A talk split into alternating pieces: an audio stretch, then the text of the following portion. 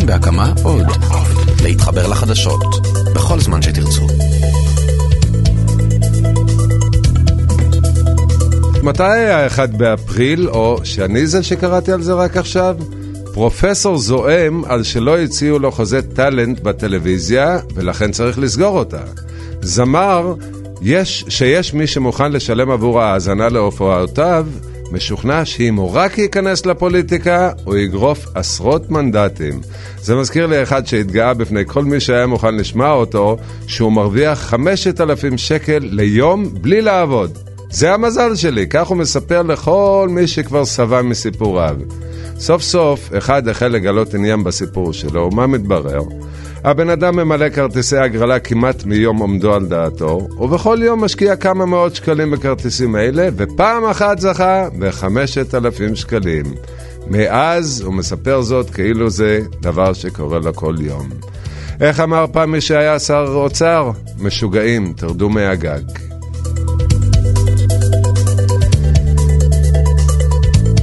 יום חמישי, י' בניסן תשע"ז, שישי באפריל 2017, תודה שאתם שוב איתנו לתוכנית העוסקת בנושאים אקטואליים מזווית שונה. באולפן כאן יעקב אייכלר כותב ומגיש, אסף שלונסקי עורך ראשי, עומר ולדמן עורך, תימור טל, ינון סרוסי ואביגל בשור בהפקה, רוני כדורי הוא הטכנאי שלנו, ואנחנו נפתח עם הדבר שמעניין אותנו כרגע, התנכלויות לעובדים. קצינה שהגישה תביעת דיבה נגד מפכ"ל המשטרה שכינה אותה עבריינית, אמורה לעמוד לדין משמעתי על התנהלותה.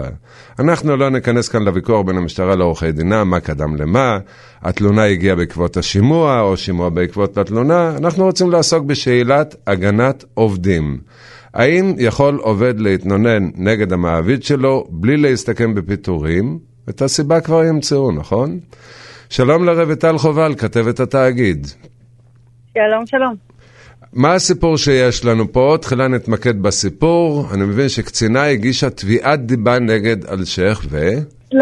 לצערנו זה סיפור קצת יותר ארוך וקצת יותר uh, מורכב, והעדכון האחרון הוא שבעצם uh, לפני כמה ימים התפרסמה ידיעה בעיתון הארץ, שבה uh, פורסם שהמפכ"ל שלנו, רוני אלשיך, התבטא ואמר שהקצינה שהתלוננה נגד ניצב רוני ריטמן uh, היא עבריינית. אה, אותה קצינה שכבר מנהלת מאבק מאוד מאוד ארוך, אה, תחת איומים על אה, העמדה לדין משמעתי בגלל כל מיני התבטאויות והתנהלויות שלה ושל המפקד שלה, החליטה לא לוותר ותבעה, הגישה תביעה לבית משפט השלום בתל אביב, תביעת דיבה.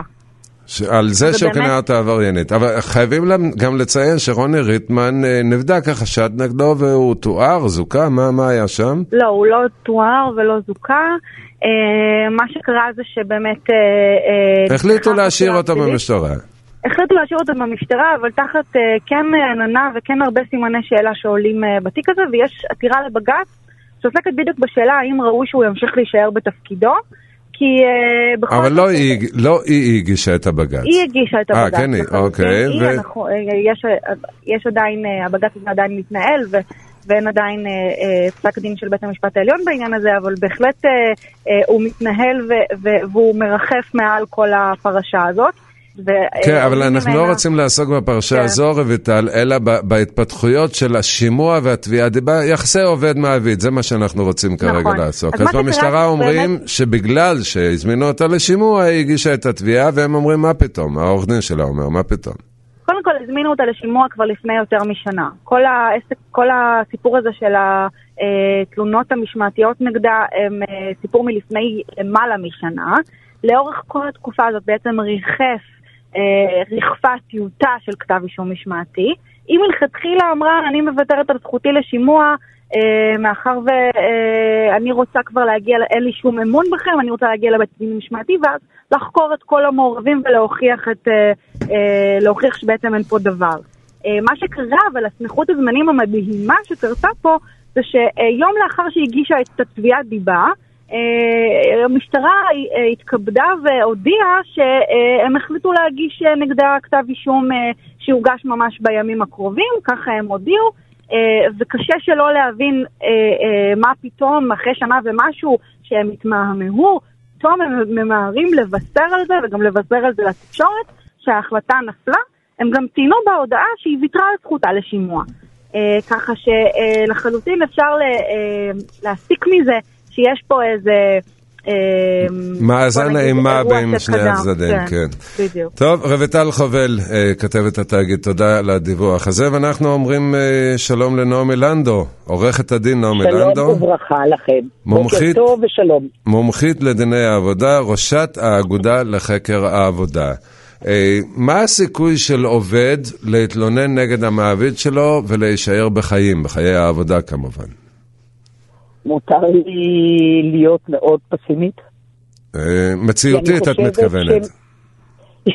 כי אני אומרת שמתפתחת פה תופעה מכוערת, ש... שחייבים לחסל אותה, אבל ממש חייבים לחסל אותה ב...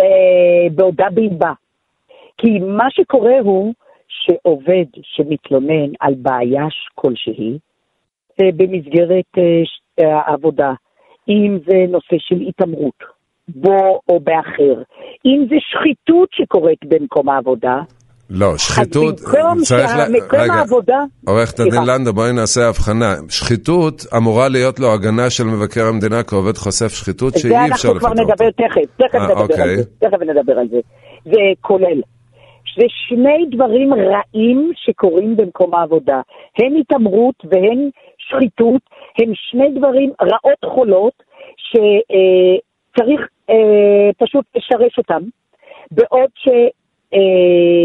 שהמעסיק במקום לחבק ולהעריך ולהעצים ולשמור, כל מילה שאתה, חיובית שאני אגיד פה, אה, את אותו עובד, כי הרי האינטרס הוא שמקום העבודה ימשיך טהור, ימשיך לעבוד ולייצר את התוצרים שלשמו הוא הוקם. אבל השאלה, יש מה עושה אותו עובד כאלה- מסכן? אנחנו, אנ- מה עושה אותו עובד מסכן? אני כבר לא מדבר על המגזר הפרטי, שבכלל שם הוא התוך... מתחיל לרדוף אותו. בדיוק. הוא אבל במגזר אותו. הציבורי, מה, מה, איזה כלים... מתחילים לרדוף אותו. נו, אז איך אני- אנחנו עוזרים אני לו? כבר אומרת, במקום שהם יהיו, אתה יודע מה, אותה גברת, אני לא מכירה את המקרה על בוריו. לא, לא מתייחסים למקרה ספציפי, מדברים בכללי, רגע. כן. נכון. אותה, אותה גברת, אותו עובד, אותו, אותה עובדת. שהיו עד לאחרונה עם אה, משובים טובים ביותר, מצטיינים, אם לא, אם לא מצטיינים הרי טובים ביותר, קודמו ב, ב, אה, בתפקידם, קודמו בשכרם, ופתאום, פתאום הופכים להיות האויב של, ה, של המעסיק. נו, אז איך אנחנו לא עוזרים. להם? איך אנחנו עוזרים להם? אה, אני חושבת שצריך להתלונן. צריך, צריך פעם אחת להרים ראש בכל מקום עבודה ולהגיד לא עוד. נו, ו? אוקיי, ואז הוא ימצא. את עצמו מפוטר. השאלה איך אנחנו עוזרים? זה המחוקק, זה בתי. משפט. ישנם עורכי דין. טובים ביותר בתחום של דיני עבודה, שיכולים לעצור את זה. אוקיי. ממש ככה. למשל? אני אתן לך, אה, למשל, אותה גברת עשתה את הדבר הנכון ביותר, אם אמנם מה שפורסם בעיתון הוא נכון.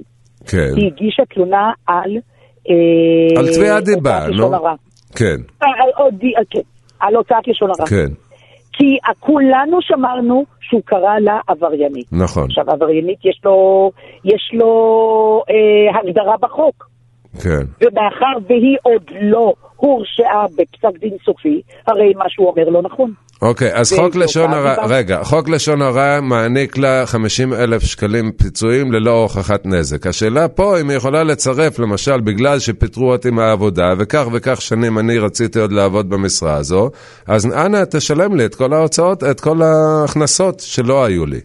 אם היא תגיש את התביעה הזו, לעניות דעתי, אוקיי, אני אמרתי דברים מאוד קיצוניים, אבל אני יכולה לתת לך דוגמה אחרת. כן, בקצרה אם יש אפשר. לי, יש דיילת באל על, נכון. שחושפת דברים לא תקינים נכון. של המנהלים, נכון. ובאה להתלונן.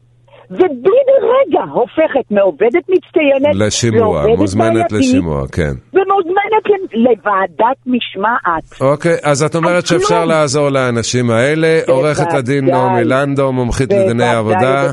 ראשת האגודה לחקר העבודה. חג שמח לכולם, ושנצא מעבדות לחירות, זה העיקר. לעולם לא עוד. אתם מכירים את ההבטחה הזו? שומעים אותה בעיקר סביב יום השואה, ובין השאר מתכוונים לכך שהעולם לא ישתוק יותר על פשעים נגד האנושות. אשרי המאמין. האו"ם, מועצת הביטחון, אלה שכל כך עסוקים בישראל והבנייה ביהודה ושומרון, לא מסוגלים להגיע אפילו להחלטת גינוי מוסכמת נגד סוריה על שימוש בנשק כימי השבוע, שגרם למותם של 150 איש. תמונות מזעזעות. אבל המלחמה נמשכת כבר שש שנים ויותר, כבר גבתה חיי חצי מיליון אחרים ויותר. הספיקו לספור אפילו. שלום שבח וייס. שלום שלום לך יעקב. רוצים לדבר איתך על שתיקת העולם. אתה מכיר את הביטוי לעולם לא עוד, נכון? לא, אני בקיא, אני עברתי את הביטוי הזה. ואגב, בהרבה מהדורות, קודם כל מהדורה אישית, כן. בתקופה ההיא שאחריה נוצר הביטוי הזה, לעולם לא עוד, והקימו את האו"ם, כן. וכולי. ו- אה, על כל, אבל תראה, זה, קורה- זה, זה קורה כל הזמן. אני, ההתעוררות שאתה, ת- תקשורת וכן הלאה, פעם היא מאוד מרגשת. זאת אומרת, אני מרגיש כן בשטח איזה מין געש כזה ש... געש מילולי. י- יכול, מה זאת אומרת מילולי? רק מילולי. מעשים אף אחד לא עושה. שם יש מלחמה. שם יש מלחמה שמתרחשת כבר חמש שנים. זה. מלחמה. ואנחנו קראנו לזה אביב עמים, ואביב זה עונת שדה. אז בעצם הקריאה הזאת, למרות שזה חיקוי ל-1848, אביב, היו קוראים לזה אביבי עמים, אבל האביב הזה יש לו כבר לדאבוננו כמה אביבים. זאת מלחמה. הייתה מלחמה ולכן? באזור, אה, הייתה מלחמה באזור אה, בין עיראק לאיראן, שנים נכון. 600-700 אלף קורבנות. נכון, בסודאן. היה בין, בין תימן למצרים נכון. בזמנו. היה בתוך סוריה, נקטלו באזור הזה מאות אלפי אנשים נכון. ברעל.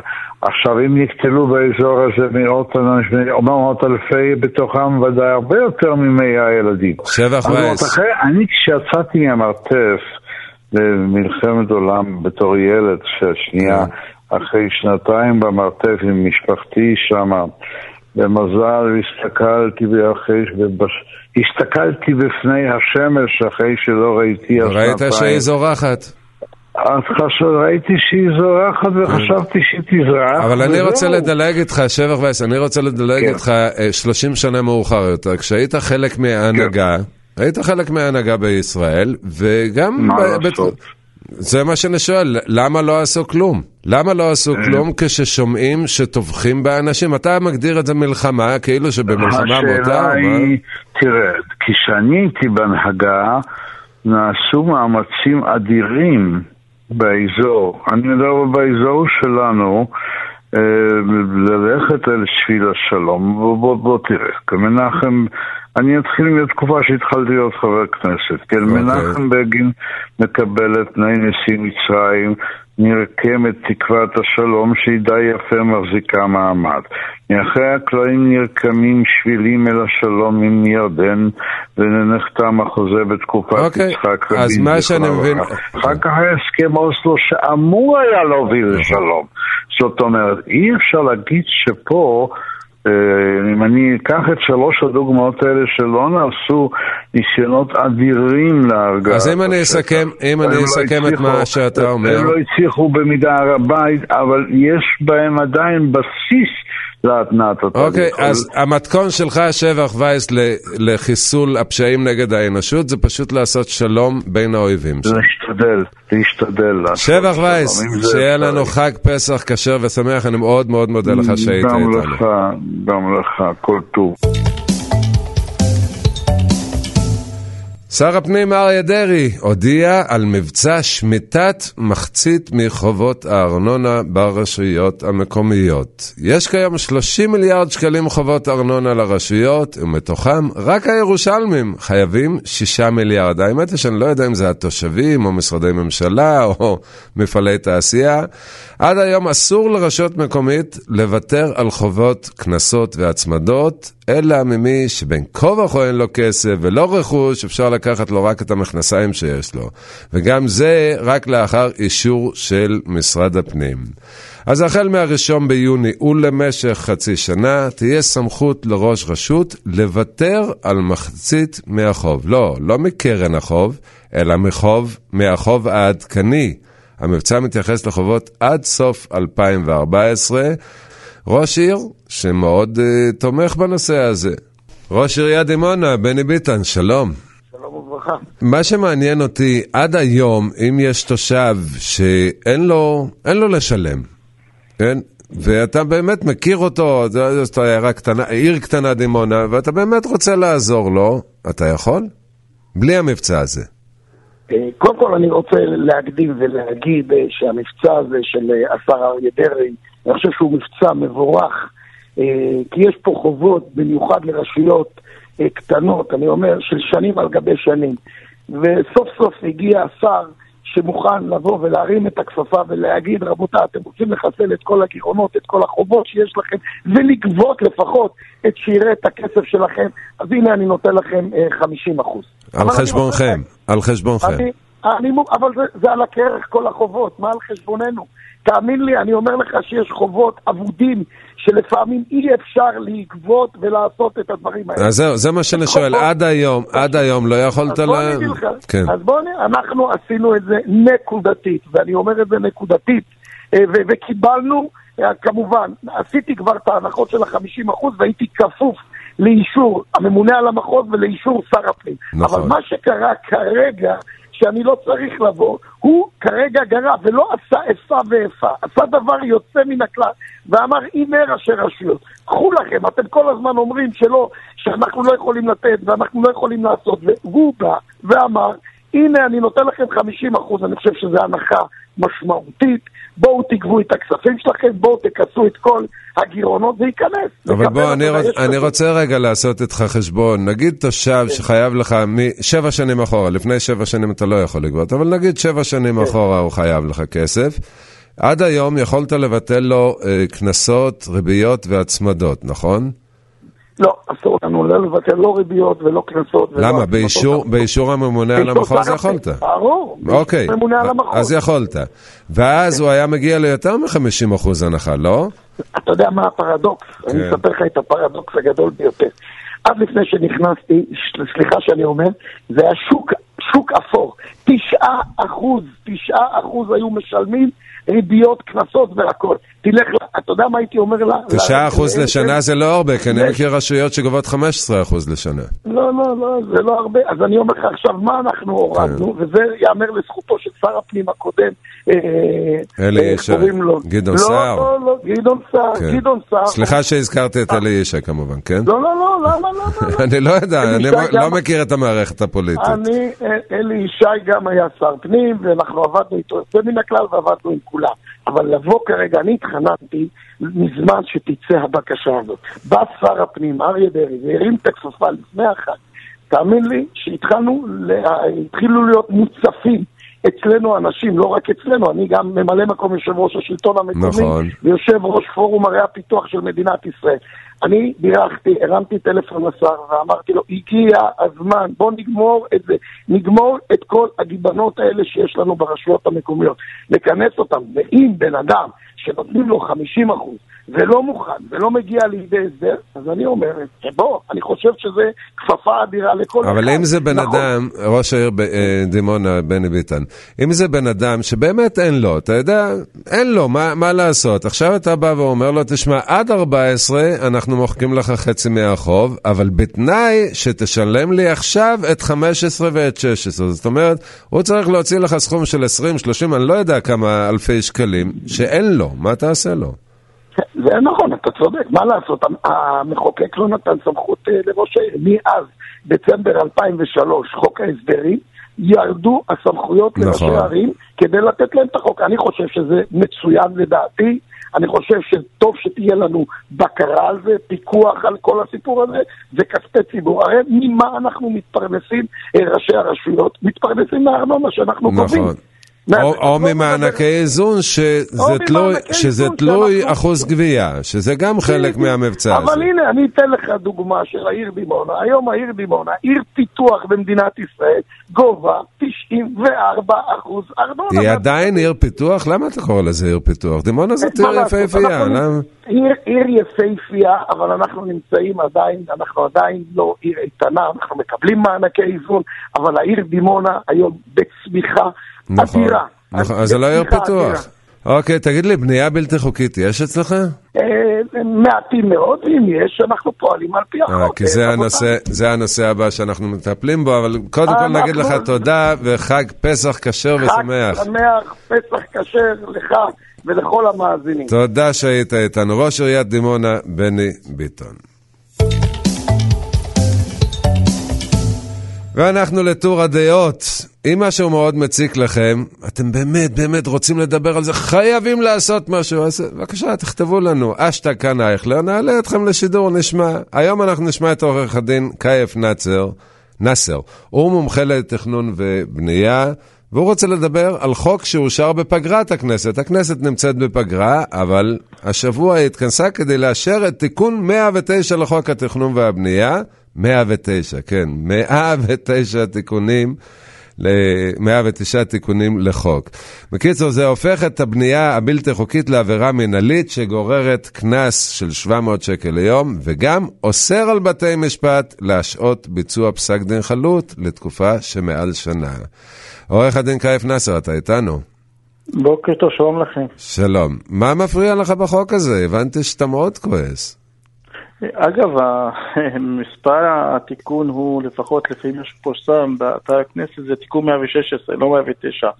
אבל לא משנה. אני יכול לבדוק את. עצמי, אני יכול לבדוק את עצמי, אבל אני חושב שזה בכל מקרה- 109, כן. בכל מקרה, מה שמפריע לי זה לא 109 או 116, מה שמפריע לי זה המהות. ומדובר כאן בתיקון הוא שהוא רק לפרק אחד מחוק התחום והבנייה שעוסק בעבירות ועונשין. כל כובד המשקל בתיקון החדש הזה בעצם אה, ל- ל- להשיע כמה שיותר אנשים, להקשות כמה שיותר בנושא של אה, אכיפת אה, דיני התכנון והבנייה. נו, אין לי לא? בעיה עם אכיפת דיני תכנון ובנייה, אין לי נכון. בעיה עם שלטון החוק, זה דבר מבורך, אבל השאלה היא עניין, עניין של מידה. א', אני לא ראיתי שבחוק הזה אה, יש כל פונקציה מסוימת שדווקא מחייבת לאכוף את החוק על הוועדות במובן זה שיתכננו, יגישו תוכניות, יפקידו תוכניות, כי למה? הבעיה היא לא הבנייה הבלתי חוקית, בנייה בלתי חוקית היא בעיה, אבל היא תולדה של בעיה יותר גדולה, שזה היעדר תכנון. אני יכול לדבר לפחות רגע, על מה... שנייה, שנייה, אני רוצה לעצור אותך. תאונות הדרכים זה תולדה בכך שאין כבישים? לא, זה משהו, זה משהו למה? אני אגיד לך למה. אם אין אני כבישים. אז נוסעים לפי לא, מה שיש. כי, כי אנשים, אנשים עושים תאונות בגלל שלא יודעים לנהוג ומכל מיני דברים אה, אחרים. בב- בבנייה בלתי חוקית, החוק אומר, אתה לא יכול לבנות שום מבנה ללא היתר בנייה. נכון. מי נותן לך את ההיתר הבנייה? זה הוועדה. נכון. כדי שהוועדה תיתן לך היתר בנייה, צריך להיות שם תוכנית מתאר. מתאר. עכשיו, אני נכון. אגיד לך, כיום אה, 70% מהיישובים הערביים אין להם תוכניות מתאר עדכניות. למה? שמאפשרים לתושבים להוציא היתר בנייה. למה אין תוכנית מתאר? מי צריך לאשר את התוכנית מתאר הזאת? כן? מי שצריך ליזום את התוכניות האלה זה ועדות מקומיות, נכון. זה הולך גם למנהל התכנון ומשרד הפנים נכון. בעבר והיום זה משרד האוצר. נו, אז, אומר, אז מי לא עושה את זה? בוא ניקח את אום אל-פחם, כן? אתה מאום אל-פחם? מאיפה אתה? אני לא, אני, אני מהצפון ומשרדי בחיפה. מאיפה בצפון? אני מכפר סמיע ליד מעלות תרשיחא. כפר סמיע, אני, אני לא חושב שיש לכם בעיה של תוכנית מתאר שם, אבל בואו ניקח את אום אל-פחם, באקה אל-ערבייה, כל היישובים האלה שאין להם תוכניות כן. מתאר. למה אין להם תוכניות מתאר? אני אגיד לך, דווקא כן. נתת דוגמה, דוגמה יפה. באקה אל-גרבייה, אני מייצג אותם עכשיו בעתירה בבית משפט. הם מחכים לתוכנית מתאר כבר 15 שנים. אושרה בהתחלה תוכנית אף שהיא לא בחוק, היא תוכנית כללית שקובעת מדיניות, ועד של היום... בנייה אין מכרז- חד-קומתית. עכשיו, אני עשיתי סקר כמה לוקח זמן לשלושת השלבים האלה. יוצא שאזרח ערבי מחכה 25 שנים לקבל היתר בנייה. עכשיו, באקה אל-גרבייה היא דוגמה יפה, כי סיימו את התוכנית האב רק ב-2009, ואנחנו עד היום, 2017, ואין לי עדיין אפילו תחילת תוכנית מתאר. ולכן אנחנו כאן חווים כשל בירוקרטי מאוד קשה. אנשים, אני לא בעד, שלא יישמע שאני מעודד עבריינות, וזה עבירה לפי החוק, ואני לא מעודד בשום פנים ואופן, אבל צריך להבין, איפה שאין תכנון תהיה בנייה, זה חוקי פיזיקה, חוקי טבע, איפה שאין תכנון תהיה בנייה, והבעיה שלי עם החוק החדש הזה, שבמקום שליאזן וייתן פונקציות נוספות, להמליץ ועדות לתכנן ולקצוב זמנים לסיום תוכניות ולאפשר איזון בין האכיפה לבין התכנון, אנחנו רואים שכל כובד המשקל הוא על האכיפה. עכשיו תאר לעצמך... אבל אמר ראש הממשלה הוא... אתמול, הוא הטריח את עצמו לעלות לדוכן לאחר אישור החוק ואמר, אנחנו בונים ובונים ובונים, אז מה, הוא לא... הוא התכוון שהוא בונה רק ליהודים? אתה מתכוון אולי שהוא בונה רק ליהודים? אני מתכוון לכך שיש הבדל בין סיסמאות ובין מציאות בשטח. לא יעלה על הדעת שנגיד שאנחנו נותנים תקציבים למגזר הערבי ויישוב שהוא עירייה, למשל, כמו באקה אל-גרבייה, כבר מחכה 18 שנים לתוכנית מתאר. זה, אני לא רוצה לדבר עכשיו פוליטיקה וסיסמאות, אני מדבר עכשיו נתונים בשטח, אוקיי? ואתה עכשיו, אומר שמשרד הפנים הוא זה שלא מאשר את תוכנית המתאר. אני, הוא זה שלא מקדם במרץ, הוא, לא, זה, הוא זה עכשיו, שתוקע תוכניות. אם אני הולך ו- 18 שנים אחורה, אז אם אני לא טועה, כבר היה שר פנים משינוי, היה שר פנים ממרץ, לא, לא ממרץ, היה שר פנים אבל עזוב את מכל הפיגורת, מיני אתה מדבר- מפלגות. אבל למה אתה מדבר על דמויות של פיגורת? אנחנו מדברים עכשיו על אכיפת חוק, על מדיניות תכנונית. לא, אתה אומר שאין תוכנית מתאר כבר 18 שנה, אז זה לא נכון. ממשלת נתניהו אשמה בזה, וגם ברק אשם בזה, וגם שרון אשם בזה, וגם אולמרט אשם בזה, וגם שמיר אשם בזה. אם אתה, אם אתה אומר חוזר- 18 שנים? לא, אז אני אגיד לך, אם אתה חוזר אחורה, יש לנו בעיה עם כל ממשלות ישראל. המגזר הערבי יש לו בעיה עם כל ממשלות ישראל. שמאז בעצם שנים רבות, התחנה האחרונה שפשוט שמה את האצבע על העניין הזה, זה הייתה ועדת אור, בשנת 2000. בשנת והיא קבעה 2000, שם כן. בפרק, והיא קבעה שם בפרק של מאות עמודים, על כמה שהמדינה מתרשלת בהבטחת תוכניות מתאר ומגרשי בנייה. בין השאר. כן. בין השאר. כן, אבל אוקיי. עכשיו הקימו את ומאז- ועדת קמיניץ כדי לפתור את זה, אז אתה אומר לא, שזה לא ועדת מספק. ועדת קמיניץ אה, זה עורך דין, חברי עורך דין ארז קמיניץ, המשנה כן. ליועץ המשפטי לממשלה. הוא הקים ועדה מיוחדת שתטייב, תייעל את אה, המאבק בעבירות תכנון ובנייה. אוקיי. אני שוב אומר, אני בעד קיום שלטון חוק ולהיאבק בכל עבירה מכל סוג שהוא, אבל גם צריך... אתה אומר, תנו גם- לנו לחם לאכול, אז נוכל לברך ברכת לא, גם המזון. אכיפה, כפופ, גם אכיפה כפופה למה שנקרא חובת מידתיות. זאת אומרת, זה לא יעלה לדעת שאדם עורך הדין- בית מגורים, אני לא עכשיו מדבר על גני... עורך הדין קייף נאצר, אתה שומע את מה שאני שומע? מה? אתה שומע את מה שאני שומע? את הצלילים באוזן, זה סימן כן. שאנחנו חייבים, חייבים לסמן, אם לא קוטעים אותנו פשוט. אז תודה כן, שהיית איתנו. תודה לך, תודה לך. תודה גם לכם המאזינים, תודה לרוני כדורי הטכנאי, עומר ולדמן העורך, אסף שלונסקי עורך ראשי, תימור טל, אביגל בשור, ינון סרוסי בהפקה, באולפן כאן יעקב אייכלר, ואתם בהאזנה, תכתבו לנו, אשטג כאן אייכלר, תודה, חג שמח.